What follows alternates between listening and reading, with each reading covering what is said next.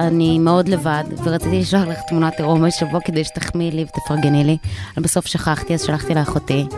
אז היא כתבה לי, רות, די להקריפ אותי, די.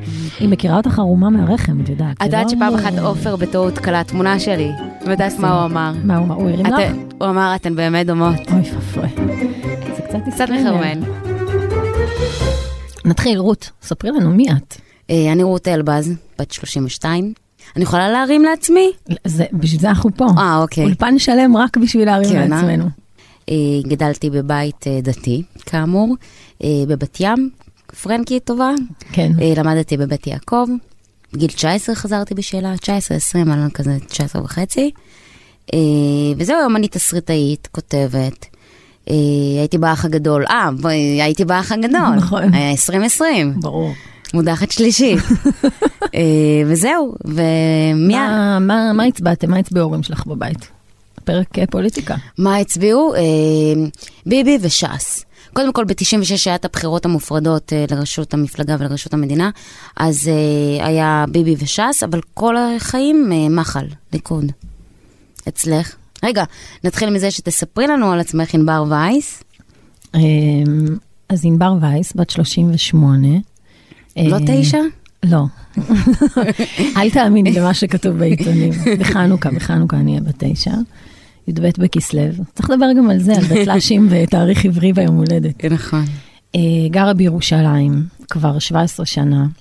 התגרשתי ויצאתי בשאלה אה, לפני שש שנים, בגיל 32. אה, אני אימא לשלושה ילדים, חמודים מאוד, ואני גדלתי באשדוד, בבית ציונות דתית אשכנזית, ואצלנו בבית זה היה, את יודעת, היה מפד"ל, מפד"לניקים רציניים מאוד, הבית היהודי, המחנה הלאומי, סנדלי שורש, סנדלי שורש, כן, פקל קפה, כן, כוח המחץ. יחידת החילוץ. סמי הכבאי. חוץ מזה שהמשותף לשתינו שאנחנו דתל"שיות. נכון. קצת אבל מזרמים שונים מציונות אחרת ומז'אנר אחר. נכון. אז בעצם אני וענבר החלטנו לעשות את הפודקאסט הזה, עגלה ריקה. יש כאילו ממש קהילה שלמה של דתל"שים, במיוחד בתל אביב גם אגב. זאת עדה. בירושלים כל חילוני חמישי הוא דתל"ש, רק שתדעי. כן, כאילו אתה בן חמש, אתה דתל"ש. אנחנו משמידים את החילונים, אנחנו פשוט כן. משתלטים עליהם. טק, טק, טק. כן, חושבים שהחרדים משתלטים על ירושלים, אבל למעשה הדתל"שים הדתל"שים. משתלטים על ירושלים. גם קצת כמוני חושבת שעם השנים הפכת להיות סוג של איזה מקור דוגמה של אנשים פונים אלייך. זה הפך להיות סוג של תגית שיושבת עליי. איזה כן. אשטג שרלוונטי לשם שלי, מהמם. וגם אצלך זה מאוד ככה. כן, אנחנו הרבה יותר ורסטיליות, אני חושבת, בגלל זה. כן. במקומות שאנחנו נמצאים, וכן, לפעמים אנשים פונים דווקא בגלל זה. כן, זה קטע. לפעמים אה, כזה אני מקבלת פתאום הודעות כזה בפרטי של אה, אני גם דתל"ש, אני חוזר בשאלה ואני קוראת את הסטטוסים שלך, את הציוצים שלך, ואת לא מבינה איך את עוזרת. נכון. גם לך יש את זה. לי יש את זה גם בגלל שכשהתדתלשתי אז גם התגרשתי. ואז זה היה שני יציאות מחוץ לקומפורט זון בבת אחת, שבאו ביחד, כן. והרבה אנשים זה קורה להם, גם שהם מתגרשים, ואז הם גם משחררים את זה, מכל מיני סיבות. נדבר על זה בפרק המשפחה שלנו. זה היה פרומו קטן. זה הטיזר. וכן, זה בהחלט תגיד, ויש גם הרבה כן. דתל"שים שאומרים לי, למה כל הזמן העניין הזה עולה? כאילו, למה את עוסקת בזה? כאילו, מה את מתעסקת בזה? מספיק, כן. תשחררי, התקדמנו, בסדר, זה לא ביג דיל. אני כל כך מעריצה את האנשים האלה שחזרו בשאלה ואין להם יסורים. אין להם issues. כלום. והם כאילו חמש שנים אחרי, עשר שנים אחרי, וכזה, אתה לא בוכה כל יום. אתה לא מכבה את האור במקרר לפני שבת. מה נסגר כן. איתך? אני ארט וולד בשבת, לא קשה לך? כן. זה קצת באמת המקום שרצינו לעשות את הפודקאסט הזה, וגם נראה לי קצת לצחוק על זה, לא? בטח לצחוק תמיד. לצחוק על עצמנו אגב. ירדנו מהעגלה המלאה, אנחנו על העגלה הריקה דוהרות במדרון. תלמה ולואיזה כלום לא עושה דתל"שיות. אותנו. לגמרי.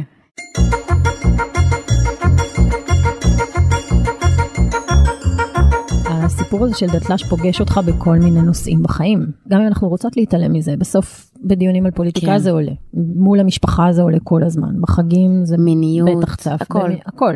אגב, זה כמו הדת, אם היא מקיפה 360 מעלות אותך, אז הדתל"שיות תקיף אותך 360 נכון. אחרי זה מעבר לגדה. טוב, אז אנחנו רצינו הפרק בעצם אה, לעסוק בפוליטיקה. אני כזה מאוד אקטואלית ופוליטית, מאוד כזה יודעת מה קורה, מאוד אה, מתעניינת. ספרי לנו קצת, כשהיית דתייה, איפה היו דעותייך הפוליטיות? איפה היו דעות?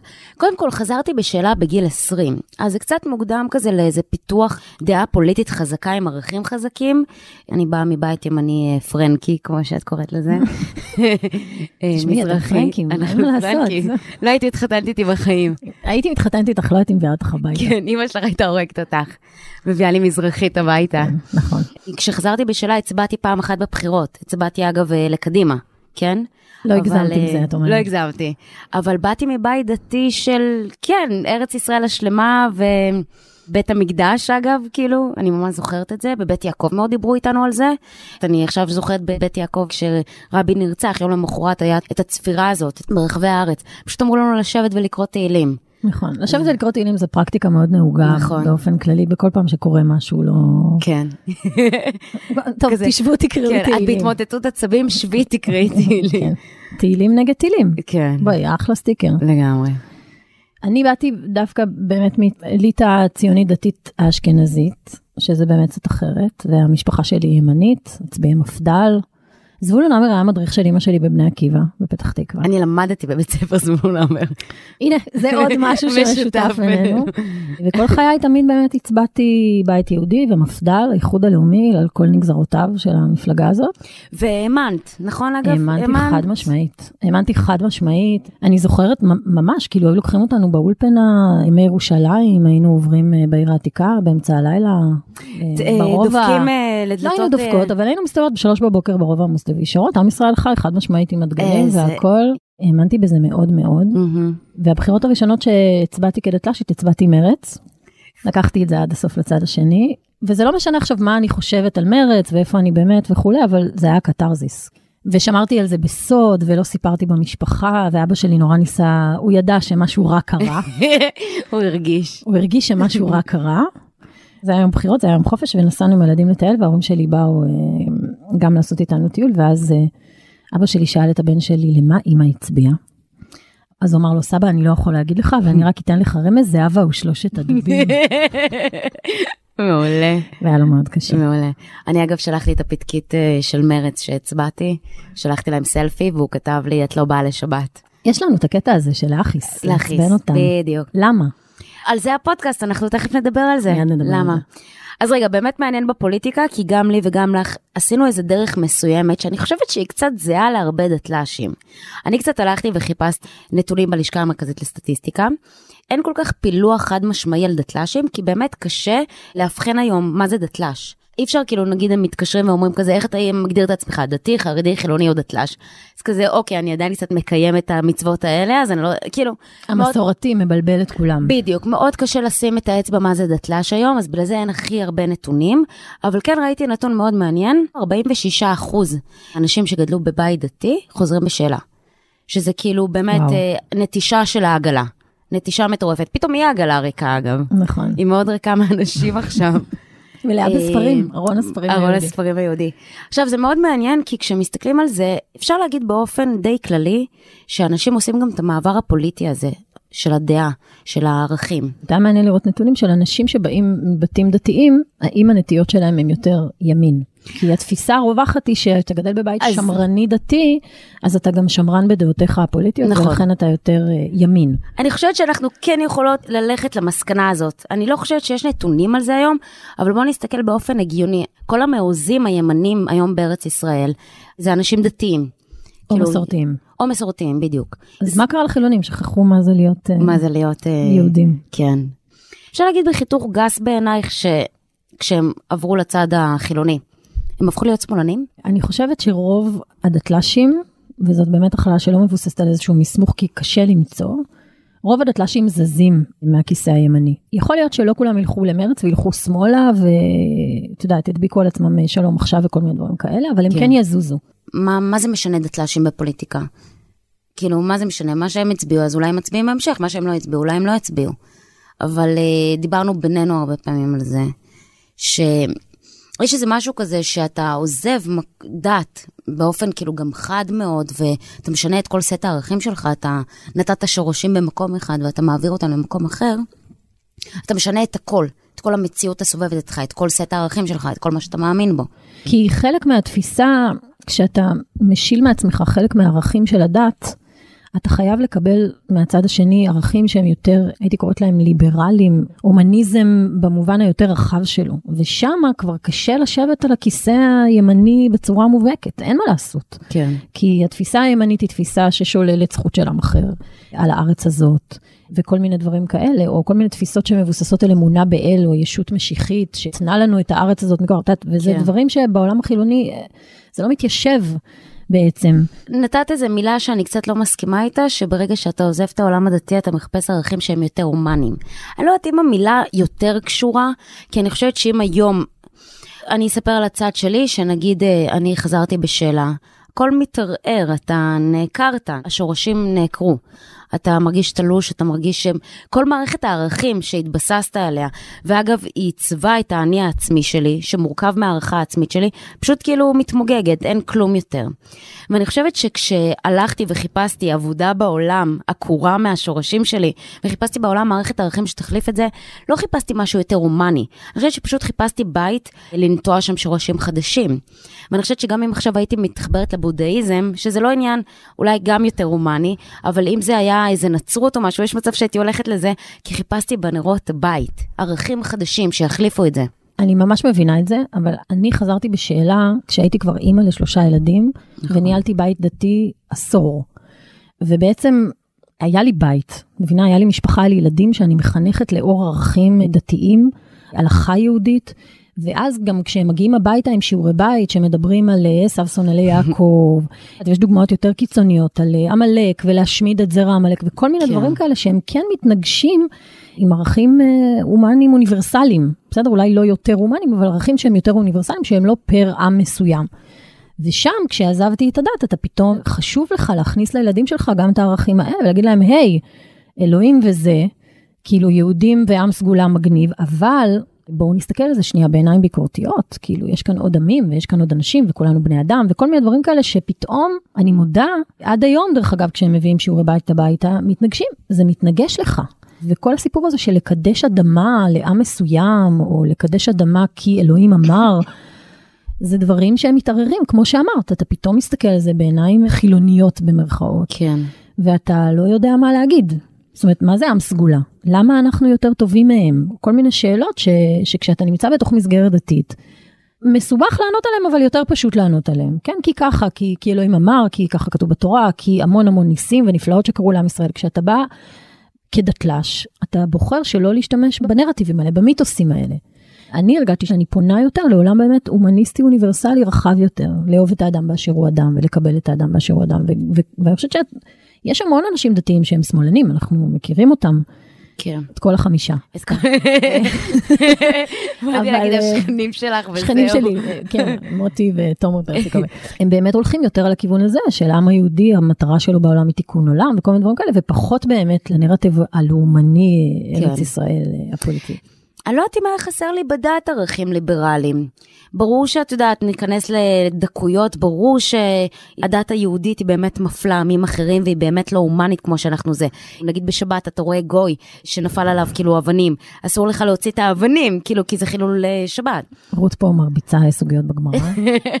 משתדלת? מנגישה סוגיות בגמרא. אבל אז מה איזה רב אחד אמר שכן מותר להוציא את האבנים, שאחרי זה, שאם זה ליהודי יקרה, אז הגוי גם יעשה את זה. כאילו הסיפור הזה של אנחנו לעומת עמים אחרים. הוא סיפור מאוד נוכח ביהדות. כל יום שישי קיוונו ובחרת ואותנו קידשת מכל העמים, זה basics.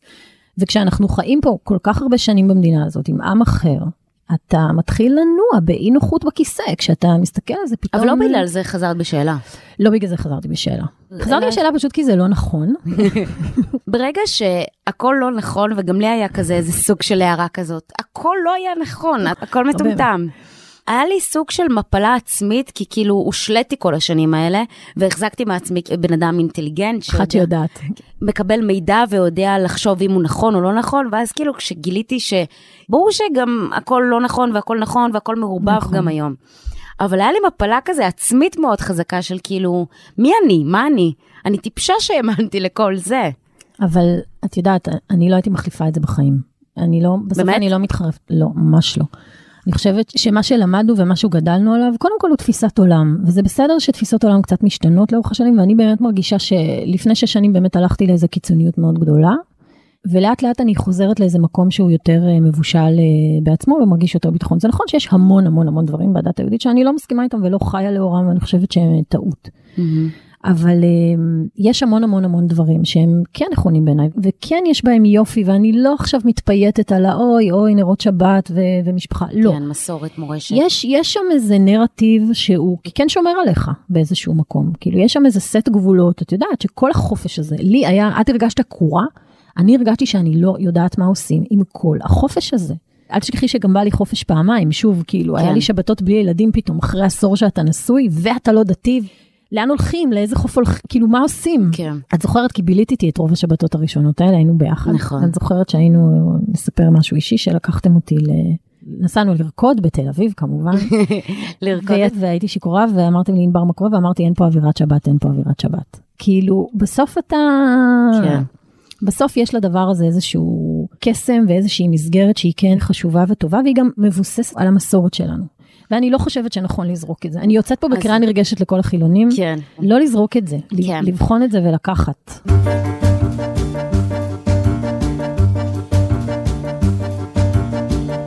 אז מקודם דיברנו על הסדרת חינוך מחדש שאנחנו עושים לעצמנו, שבעצם אנחנו לוקחים תחליף אחר למערכת ערכים שהאמנו בה, ואנחנו מחליפים אותה במערכת קודים מוסריים אחרת. האם את חושבת בעצם שכולם עושים את השינוי המחשבתי הזה? את יודעת, לא סתם קראנו לפודקאסט הזה עגלה ריקה. לא סתם גם אה, דתיים אומרים על חילונים שזה עגלה ריקה, כי כשאנחנו עוברים לעולם החילוני, התחושה היא שאין במה להחזיק. פתאום כל הפרקטיקה הדתית שממלאה את כל החיים שלך כבן אדם דתי, את הכל, כאילו מהלכות שבת ועד הלכות כשרות ועד מה שקורה לך בתוך טהרה, ו... כן. זה בכל מקום, בסדר? מה מותר לאכול, מה לא ואיך ואיך לנסוע, ופתאום אין כלום. אני זוכרת שביום כיפור, אתה יודע, דתל"שים, זה- אוקיי, מה עושים ביום כיפור? את, כאילו, את שמה ביום כיפור, את צריכה למלא את זה במשהו. אז בהחלט את מרוקנת. את מרוקנת המון המון אה, הלכות, תרי"ג מצוות, אנחנו פחות או יותר מרוקנים אותם, אה, את הרוב. בואי נגיד ש... 85% לפחות, את יותר, רות כי את יותר מתקדמת ממני, אבל- אני זוכרת שביום כיפור הראשון צמתי כי כאילו היה ברור שצמים, אבל לא הלכתי לבית כנסת כי לא הרגשתי שאני מסוגלת להיכנס עוד פעם למקום הזה של שכר ועונש. אז, אבל מה כן עושים? והבן זוג שלי באותו זמן, כשאני שוכבת על הספה אה, וצמה, יושב ותוקע שניצלים אחד אחרי השני וקורא בטח. עיתון. ואני אומרת לו, מה העניינים אתכם? כאילו, מה אתם עושים? למה אנחנו קוראים עגלה ריקה? כי מה זה יום כיפור בשביל חילונים? כלום, נוסעים באופניים, ריקים מתוכן, אין בהם שום דבר. אז הוא אומר, העגלה שלנו היא משהו אחר, היא לא סביב חגים, היא לא סביב בית כנסת, היא סביב דברים אחרים. אנחנו לא ממלאים את התוכן סביב יום כיפור, אנחנו עושים אותו בתרבות ישראלית, בתרבות עברית, בדברים אחרים. ולאט לאט הפסקתי בקנאות להגיד את זה על חילונים שהם עגלה ריקה, כאילו זה מעצבן אותי בשבילם. כן. אז אני כן מאמינה שאנחנו מרוקנים, חד משמעית. לוקח זמן להבין איך אתה ממלא מחדש. איבדנו ערכים אחרים לפני, ודווקא הפוליטיקה, מה היחס של הדתל"שים לפוליטיקה? אין אפס. להיות בן אדם דתי זה להיות בן אדם שמאמין בסופו של דבר בעליונות שלנו על עמים אחרים. אין איך לסובב את הדבר הזה. זה הבסיס. זה הבסיס שלנו כעם סגולה, עם שנבחר, ולכן אנחנו קיבלנו את התורה ולא אף אחד אחר, נכון? הדבר הזה, בבסיס שלו, הוא מנוגד לתפיסה חילונית ליברלית. זה מנוגד, אנחנו כולנו בני אדם, כולנו נולדנו בצלם, כולנו שווים, לכולנו מגיע את אותם הזכויות. שלא נדבר על זה שיש עוד גרעין מאוד עמוק בדת של פחד, בסדר? שכר ועונש, אנחנו נחטא, אנחנו טהורים, כל הדיבור כן. הזה הוא דיבור של. פחד. אני מרגישה שאני הרבה פחות מפחדת מאז שאני בן אדם לא דתי. אני הרבה פחות מפחדת שמישהו יעניש אותי או שאני לא בסדר. רות, אנחנו יכולות לעשות פודקאסט שלם על אשמה, נכון? סביב המקום הזה של דת, אז אתה לא אשם פתאום כלפי שום ישות או מגזר או כלל ישראל, כל ישראל ערבים זה לזה, אם אחד חוטא, כולנו זה, נכון? כאילו כל הדברים האלה. ושוב, כשאתה לא מפחד, אתה גם מגיע לשיח של אה, איך אני חי עם עם אחר בצורה אחרת. אני פחות מפחד על המקום שלי, אני פחות מפחד על האדמה שלי, אני פחות מפחד שיקחו לי וישתו לי, ו... ולכן אני חושבת שלי באופן טבעי, גם התפיסה הימנית הקיצונית שהייתי בה ואני הייתי בה, היא כבר לא הסתדרה. זה פשוט לא מסתדר. מה אני כל כך מפחדת מהם, בשם אבל אלוהים? כן, זה קצת מוביל אותי לשאלה הבאה. אנחנו כן יכולות להכיל באופן ממש אבסולוטי, אני גם אקרא את זה עלייך, דעות ימניות. נכון, אנחנו- ואפילו מאוד קיצוניות. וזה אגב, לדעתי, נקודה של דתל"שים מאוד חזקה. אנחנו יכולות להכיל את כל הקשתות עכשיו. אם אני בקשר עם דמויות שהן לכאורה נחשבות אה, דמויות ימין מובהקות, אני חוטפת על זה. אנשים יגידו, מה, את, אה, את מכירה אותו? את מדברת איתו? כן. מדברת איתו? כאילו, ו- ואנחנו, אני חושבת שהצד הדתל"שי של המפה, או המגזר הדתל"שי, יכול לשאת הרבה יותר דעות אה, מאוד מאוד שונות. בגלל התווך, שכאילו, היינו גם פה והיינו גם פה. קודם כן. כל, יש לומר, אבא שלי, שאני מאוד אוהבת אותו ומעריכה אותו, אוחז בדעות. וואו. שלא נאמר אותם כאן ב-. בחדר הפודקאסט של עיתון כן. הארץ, שמא, שמא. אבל מאוד קיצוניות, מאוד, מהאוויר, לחסל, לרסל, כל מיני כן. כמות כאלה. הפעמים שקמתי בארוחות שישי, כי פשוט, וגם אין אני- מה לשכנע, כאילו, אין. חלאס, הבן אדם 84, תני לו כאילו לזרום כן. עם זה. נכון. אה, מעניין, אני חושבת שיש לי את זה, אבל רק באמת בשנתיים האחרונות, שזה קצת מורכבות שאני יכולה יותר להבין. גם אני, אני טולרנטית הרבה יותר לימין. הרבה פעמים שהיו אומרים לי, איך את מקבלת את הבן אדם הזה? בדיוק, הייתי אומרת, אני מקבלת את אבא שלי. נכון. אז אני אקבל את הבן אדם הזה. אחרת לא הייתי מדברת עם אבא שלי על הדעות שלו. או לא הייתי מדברת עם אמא שלי. אני חושבת ששתינו יכולות להבין את זה, כי אנחנו גדלנו על הנרטיב, אנחנו מכירות אותו לעומק, אנחנו יודעות על איזה טקסטים הוא יושב, ומאיפה הוא נובע וכמה אחורה הוא הולך, ו- ואנחנו יודעות להפריד בין התפיסה הגדולה הזאת של מגזר, אל מול אה, בסוף הפרקטיקה שאתה עולה אה, עם, עם אחמד אלמונית. כן. וגם הרב אבינר וכל מיני אמירות שלו, שכאילו גם כן. ברמה הדתית, לפני פוליטיקה, אנחנו לא מתרגשות מזה. כלום, גדלנו. בבתי ספר כאלה, כאילו... דבר. אפילו לפעמים קורה שדברים אקטואליים או פוליטיים במדינה, ואני מקבלת איזה פוש, ופשוט מערכת ההפעלה שלי היא ימנית. כאילו, באמת. ואז אני רואה איך אני מגיבה לזה באופן ימני, ואז פתאום אני מתאפסת רגע, כל הערכים הפוליטיים השמאלנים נכנסים רגע, ליברליזם, הומניזם, ואני זה, לא אפשר לגרש משפחות עכשיו, לא אפשר לגרש ילדים בני עשר לפיליפינים. אבל הם גויים, רות, הם אתם לא גויים." יכולים להיות פה, אין, אין סיכוי, אתם לא תהיו פה. נכון. זה תמיד, תמיד. אז אנחנו לא באמת אה, עברנו צד, אם חושבים על זה, אנחנו לא באמת אה, שמאלניות. אני לא יודעת אם עברנו צד או לא שמאל, לא יודעת להגיד לך, אני חושבת שכן עברנו צד, אבל אני חושבת שחידדנו ותרגלנו ממש טוב. האוטומט שעולה לך עכשיו זה האוטומט הביקורתי. וברגע שהאוטומט הביקורתי עולה לך, את פתאום מסתכלת על זה, אוקיי, שנייה. את לא מסתכלת על זה ממערכת ההפעלה שלך, בדיוק כמו שאמרת. וזה חכם, בעיניי זה, כאילו לא בקטע של להרים לעצמנו, אבל זה יכולת והיא חשובה. ואולי מפה אפשר יהיה לנהל שיח. כשאתה לא מתעצבן ברמה האישית ואתה לא לוקח את זה ללב, אתה מסוגל להבין מאיפה הבן אדם השני נולד, כן. אז גם היכולת שלך להקשיב לו היא אחרת, וה, והרצון לנהל איזה דו-שיח, שיוביל לאיזה מסקנה, את יודעת, לא לריב בפייסבוק, סתם בשביל לריב בפייסבוק. נכון. ואני חייבת להגיד לך שהרבה פעמים גם ימנים אומרים דברים שגורמים לי לעצור ולחשוב. כאילו, וואלה, כן. וואלה, באמת לפעמים אני מרגישה שהתקשורת יותר מוטה. אולי בגלל שהיא לא מספיק מכירה את הנרטיב, או מספיק אנשים בתוך התקשורת גדלו בשני הצדדים. נכון. אגב, אני רואה את זה בסוגיות קצת חברתיות. פוליטיקה גם עסוקה מהחברה ומסוגיות חברתיות, אבל פרופר סוגיה, נגיד אה, הפרדה מגדרית. לפעמים שם, אני לא יודעת אם זה שמאל, ימין, אוקיי, אפשר להגיד בחיתוך גס, שמאל מאמין אה, נגד הפרדה מגדרית, ימין בעד הפרדה מגדרית, שעשו מה שהם רוצים. ויש לי שם חלוקה מאוד גדולה של כאילו, אני רואה את זה, של כאילו, אתם לא יכולים לכפות על נשים חרדיות להיות עם גברים בחלל מסוים. ואני יודעת שכזה, אני רואה לפעמים כזה את כל הפוליטיקאיות, וזהבה גלאון ומרב מיכאלי, ואני רואה אותם כאילו כותבים כל מיני דברים על ליברליזם. אתם יודעות שאתם תהיו הכי ליברליות ברגע שתיתנו לחרדיות האלה לעשות מה שהן רוצות ולפי האמונה שלהן. את לא יכולה לכפות את הליברליזם שלך על כל מי שאת רוצה. זה גם הפרדוקס הליברלי של אם אני נותן חופש, אז מה קורה כשהחופש מגיע על חשבוני, so called. כן. ודבר שני, אני חושבת שאם זהבה גלאון ומרב מיכאלי היו חיות אי פעם כנשים דתיות, והיו מבינות, מישהו היה שר להם אשת חיל, אולי אני צריך לשיר להם. הם היו מבינות על מה זה יושב. יש אה, סל תפקידים לנשים בתוך העולם הדתי, ויש סל תפקידים לגברים, ויש איזו חלוקה, והיא יושבת על כל מיני אמונות, ואפילו על, על דברים מיסטיים וקבלה וכל מיני דברים כאלה, ואיך הדבר הזה משלים. האישה אמונה על חינוך הילדים ועל צביון הבית, וכל מיני תפקידים נורא מסובכים.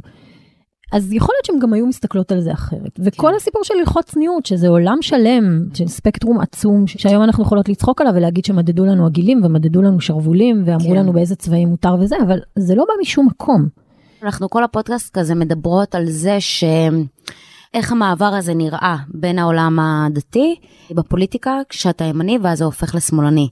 כאילו מעניין אותי אנשים שכן חוזרים בשאלה ויוצאים מהדת, אבל בעצם נשארים ימנים. מעניין אותי איך הם מסבירים לעצמם את זה, מה נתקע להם. את חושב- בטח מכירה כי את גרה בירושלים ויש שם הכל בעצם. תראי, ירושלים עיר דתית, במהות שלה עיר מאוד דתית לכל אבל הדתות. הקשת שם הרבה יותר רחבה. הספקטרום. הרבה, נכון. הרבה הרבה יותר נקי. יש טולרנטיות לרמות אה, מאוד, אה, זה כמו שהילדים שלי עדיין לומדים בבית ספר דתי, ואיתי בפרקטיקה הם חילונים, ועם אבא שלהם הם- הם דתיים. כן. ובירושלים זה עובר בגרון, זה כאילו הגיוני. אז איך את מסבירה את זה בעינייך? שאלת שתי שאלות. אני חושבת שאיך אנשים עוזבים את העולם הדתי ונשארים ימנים, אני חושבת שבמדינת ישראל לאורך השנים, כל הסיפור של גוש, ימין, משהו בדת ולאומנות התחבר ביחד. כן. וצריך להגיד, זה לא מאסט. כאילו, הסיפור הזה של להיות בן אדם דתי ולהיות בן אדם לאומני, זה לא מאסט, זה לא היה. כאילו, מדינת ישראל היא פה רק 70 שנה, וזה דברים שנוצרו עם גוש אמונים והציונות הדתית, והחיבור הזה בין, כדי להביא את המשיח, צריך ליישב את כל ארץ ישראל, וכל כן. מיני דברים כאלה. אז אני חושבת שאנשים שחזרו בשאלה אבל נשארו דתיים, המקום הלאומני הרבה יותר נכון. חזק אצלם, והם חיים אותו בלי קשר לדת, או שהם חיים אותו באיזשהו חלק מהדת, והמקום הלאומני הוא כל כך דומיננטי, שזה לא קשור לאלוהים כבר. מבינה? זאת אומרת, אנחנו עם ישראל בארץ ישראל, ויש לזה חשיבות, והלאום כן. היהודי, בלי קשר לדת. זה כמו שתגידי שיש חילונים שהם מאוד ימנים. יש כאלה. אז אני חושבת שזה זה הסיפור. יותר קל לי להסביר משום באמת? מה. אבל זה תמיד נוגע למסורת איפשהו. זה תמיד נוגע לזה. יש לי דוד שהוא מאוד מאוד, הוא חזר בשאלה בגיל צעיר יחסית, והוא מאוד חילוני, והוא מאוד מאוד מאוד ימני, ימני. ומאוד מאוד מאוד לאומני. והוא מדבר על זה, ותשאלי אותו, אז לפעמים הוא יגיד לך, לא, עשו שונא ליעקב, זה ככה תמיד יהיה. עכשיו, מה זה כן. עשו שונא ליעקב? זה לא מברל כצנלסון, כן? זה את בטוחה? סגורה על זה. עשיתי פה גוגל רגע. זה מחמישה חומשי תורה, זה כאילו בסוף זה מגיע מהכתובים. כן. עכשיו, זה לא שהתורה שייכת אך ורק לדתיים, אבל המונופול שלהם. אבל המונופול לקחת את זה לשם. אני חושבת כן. שהחיבור הזה באמת בין דת ללאומנות הוא חיבור שמחשק דתיים לתוך תפיסת עולם ימנית. הם יגידו אין לנו לאן ללכת, אין לנו נכון. מקום אחר, הם יגידו שואה. אגב, מאוד מקביל גם למזרחים. את קצת דיברת על גוש אמונים וכאלה שזה לא קשור אליי, אבל אה, כאילו הנרטיב מהבית המזרחי המרוקאי שאני גדלתי, זה ההורים ישבו במרוקו וחיכו לעלות לישראל, נכון. וזה מה שהם חלמו כל החיים, וסבא וסבתא, ומכרו הכל במרוקו כדי לעלות לפה.